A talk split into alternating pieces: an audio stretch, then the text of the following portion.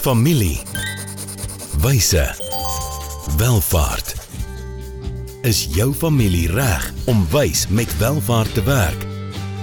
Welkom by die weeklikse gesprek waar kenners saam met families na eerlike antwoorde op moeilike vrae soek. Ontdek ware wyshede vir jou familie se welvaart. Loer en luister aanlyn.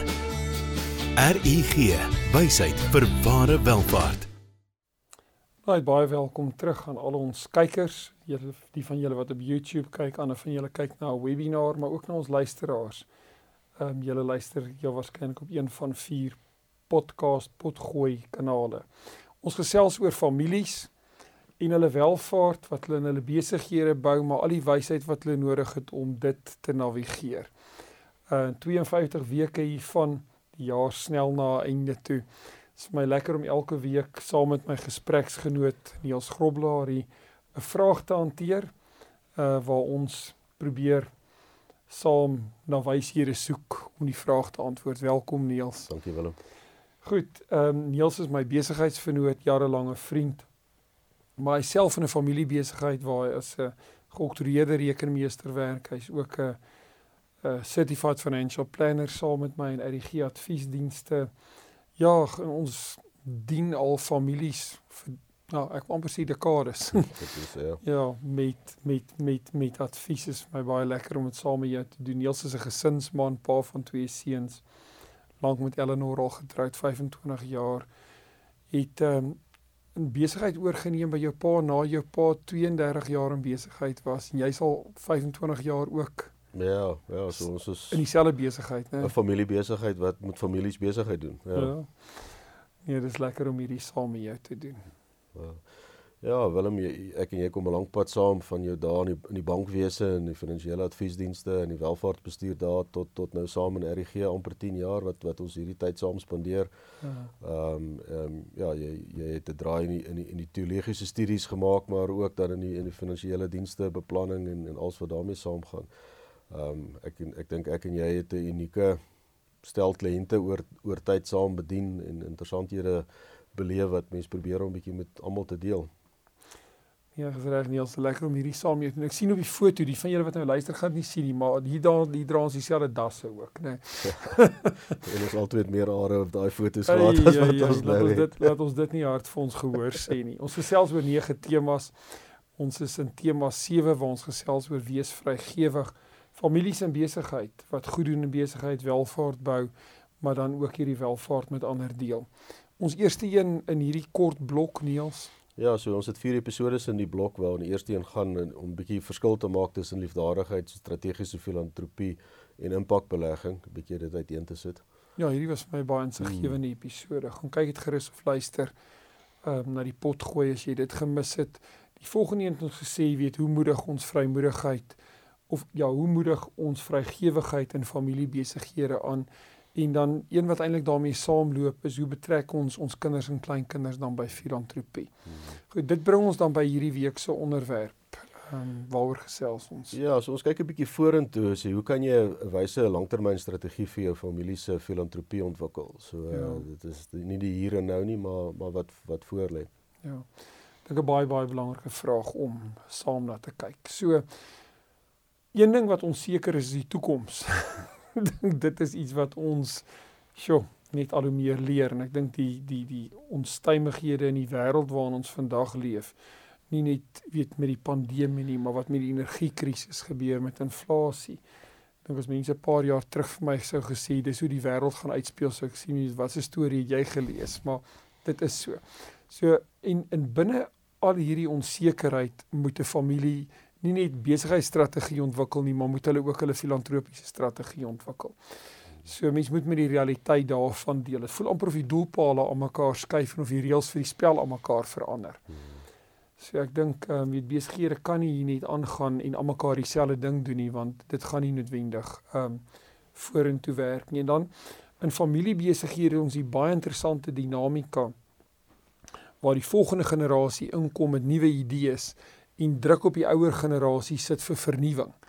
Wat ek dink 'n wonderlike goeie ding ook is, maar vir vir die ouer garde is dit nie altyd lekker en maklik nie. So ja, en ek dink 'n gebrek aan 'n strategie kan so iets moontlik maak. Maar sodra jy 'n strategie het wat jy volg, dan moet die een die ander een eintlik volg, né? Ja. En ek dink ook wie die die die oop kommunikasie tussen die generasies is hier belangrik en ek het geweldig baie gehou van die voorstel wat jy verlede week gemaak het van om jong mense, selfs tieners, jy weet, by die ehm um, strategiese besluite op raadsvlak, direksievlak, al het hulle nie stemreg nie, jy weet, te betrek. Ek dink dis 'n dis 'n baie goeie ene. Maar ja, ehm um, ook om te kyk, weet hoe kom mens behoeftes in die samelewing ehm um, adresseer en en aanspreek. Ehm um, weet hoe meer goed verander, hoe meer bly dit ook op 'n manier dieselfde. Dis nie asof armoede ewe skielik weg is of hmm. dwelmverslawing weg is nie. Baie van hierdie uh kom ons sê probleme wat ons op samelewingsvlak mee sit raak net al hoe dieper. Hmm. En van hierdie probleme ehm um, kry net ander dimensies by. Ek dink weet so wonderlik so wat tegnologie is, uh so gevaarlik en verslawend kan dit ook wees. Jy weet so ons deel met verslawing as 'n probleem, maar ons sit vandag met ander forme van verslawing. Jy weet wat uit dalk net op samelewingsvlak op ander maniere moet hanteer. So die antwoorde wat vir gister gewerk het, werk deels maar omdat die omgewing verander werk dit ook nie heeltemal nie. Jy weet, so dit dwing ons eintlik op weet om ook met ons vrygewigheid in familiebesighede op ons tone te wees.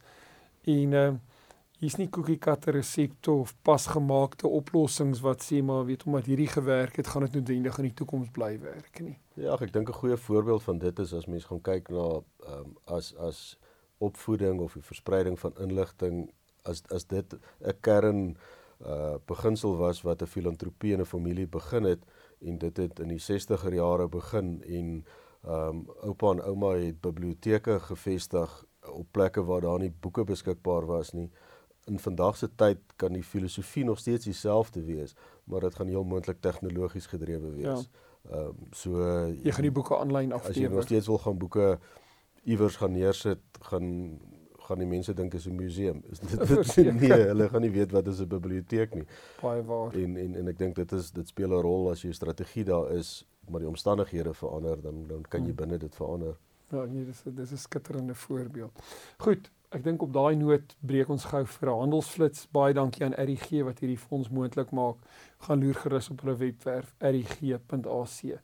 Ons is baie vinnig terug. Hoe gaan dit met jou geld sake? En met jou? Jy sien, in die soeke na wins, vergeet jy soms om jou beleggings met jou waardes te belyn. En dis wanneer dinge begin skeefloop. So, het jou beleggingsportefeulje waarde en ook waardes. RUG Adviesdienste sorg dat jou beleggings by jou pas, sodat jy trots kan wees op elke maatskappy waarin jy belê. Hoe jy geld maak, maak saak. Belyn jou beleggings met jou waardes. Kry jou finansies op koers met 'n persoonlike padkaart na ware welvaart. RUG. Wysheid vir ware welvaart.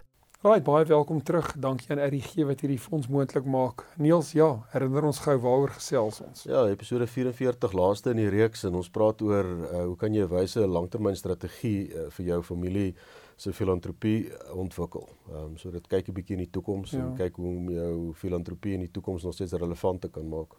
Ja, en ek dink ehm um, weet om die familie ook saam in die toekoms in te vat. En ons het gesien hoe gevaarlik dit is dat mense veral die jonger generasie agterlaat. En ons het in die vorige episode gesê, weet wat kan ons doen om hulle saam te vat? Ehm um, maar dan ook weet in 'n familiebesigheid sit 'n mens met ehm um, uiteenlopende talente. Die volgende generasie kom met 'n heeltemal totale ander skillset, ingesteldheid en hoe hou mens vas aan die eenheid in die besigheid aan die een kant maar die uniekheid wat hierdie volgende generasie bring.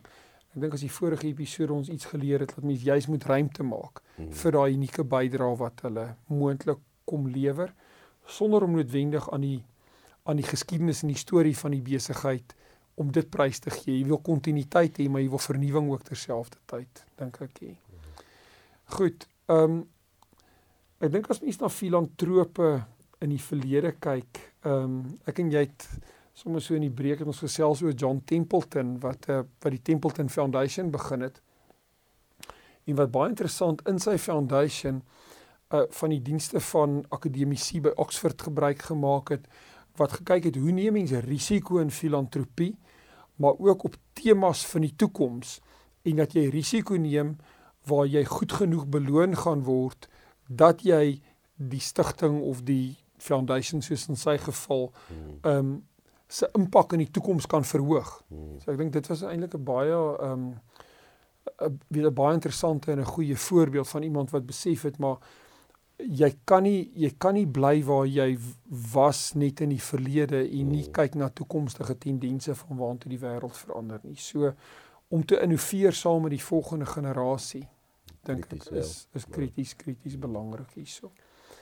Goed. Maar dan gesels ons in ons familiewyse welvaart oor wysheid. So ek dink dit gaan ook daaroor dat mens dit omsigtig doen, dat jy die risiko's neem, maar dat jy dit op 'n wyse manier neem. En ek dink dis altyd 'n baie lekker check and balance wat 'n familiebesigheid vir my het. Jy die volgende generasie wat met 'n klomp nuwe idees inkom, mm. maar jy het, jy het, jy het darm ouer generasies wat ja, wat die ervaring het, wat die ervaring het. Maar mm. die gevaar is hierso aan die een kant dat die jong generasie so voortvarend is en 'n klomp foute moontlik maak, maar ook dat die ouer generasie weet so weet nie wat kan mens sê set in hulle ways is dat hulle nie dat hulle nie met van hierdie innovering wil werk nie. Ja. ja. Goed.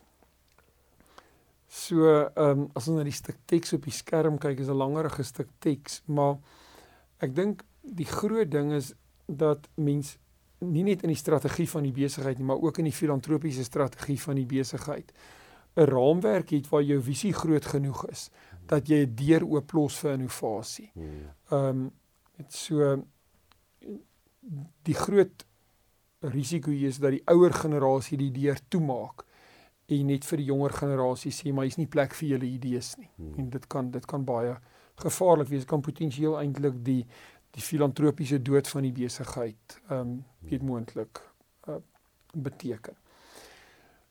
So kontinuïteit aan die een kant maar innovasie aan die ander kant. Ek dink as ek as ek hierdie amper gesprek in een woord of in twee woorde kan saamvat, lê dit lê dit in daai spanning hmm. van hoe hou mens vas aan wat gewerk het in die verlede, maar jy weet dit gaan jou ergens in die toekoms in die steek laat, maar hoe maak jy oop vir dit wat jy in die toekoms gaan nodig hê, die innovasie nie, weet aan ja, die ander kant. Ek hoor jou, ja.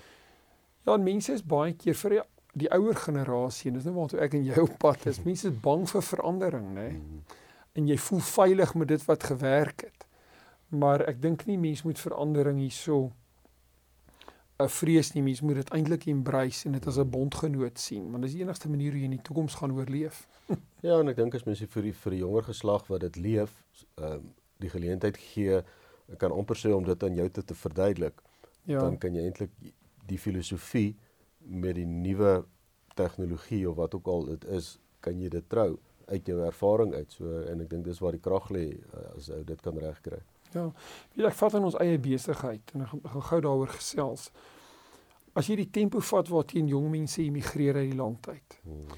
Jy weet is 'n risiko wat ons in ons eie besigheid het dat ons kliëntebasis en welvaart eintlik onder ons kyk uit immigreer hmm. as ons nie saam met hulle beweeg nie. Dis een moontlikheid. Ja in fondsbestuur waar ons nou in EG adviesdienste kategorie 2 lisensie opsit kan ons nie net 'n Suid-Afrikaanse besigheid bou nie ons moet vir dieselfde rede hmm. hoekom ons saam met ons kliëntebasis wat besig is om te skuif moet ons ook ons fondsbestuur en beleggingsbestuur saam met hulle skuif hmm.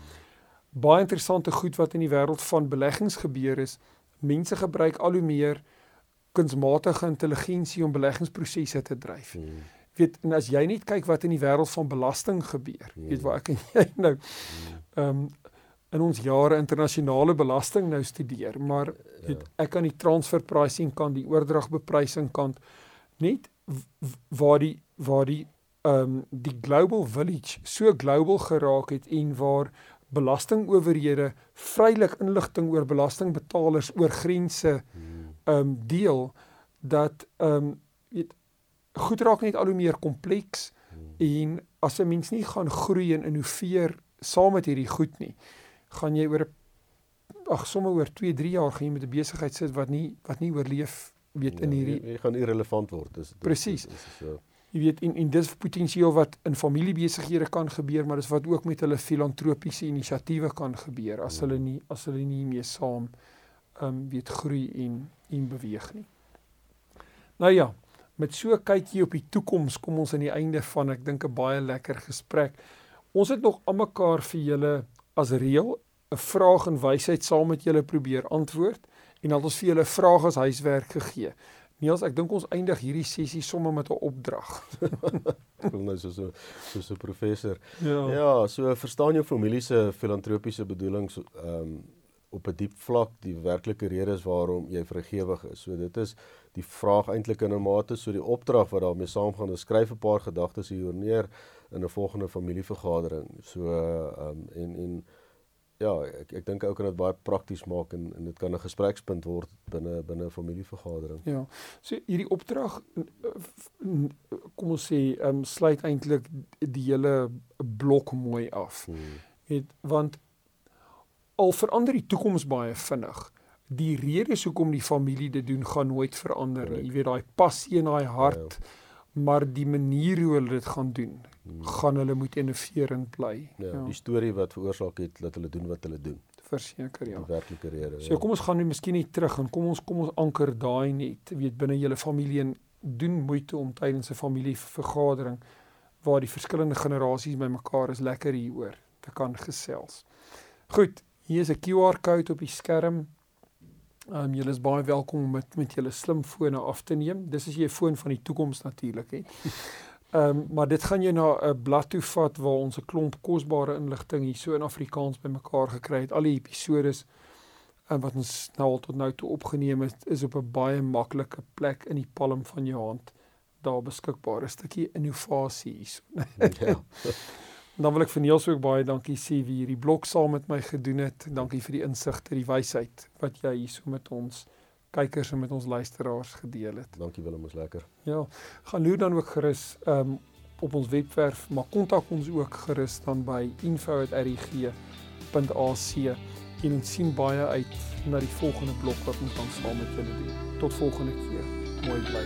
Volgende keer gesels ons verder oor wyshede wat families nodig het vir ware welvaart. Familie. Wyse. Welvaart.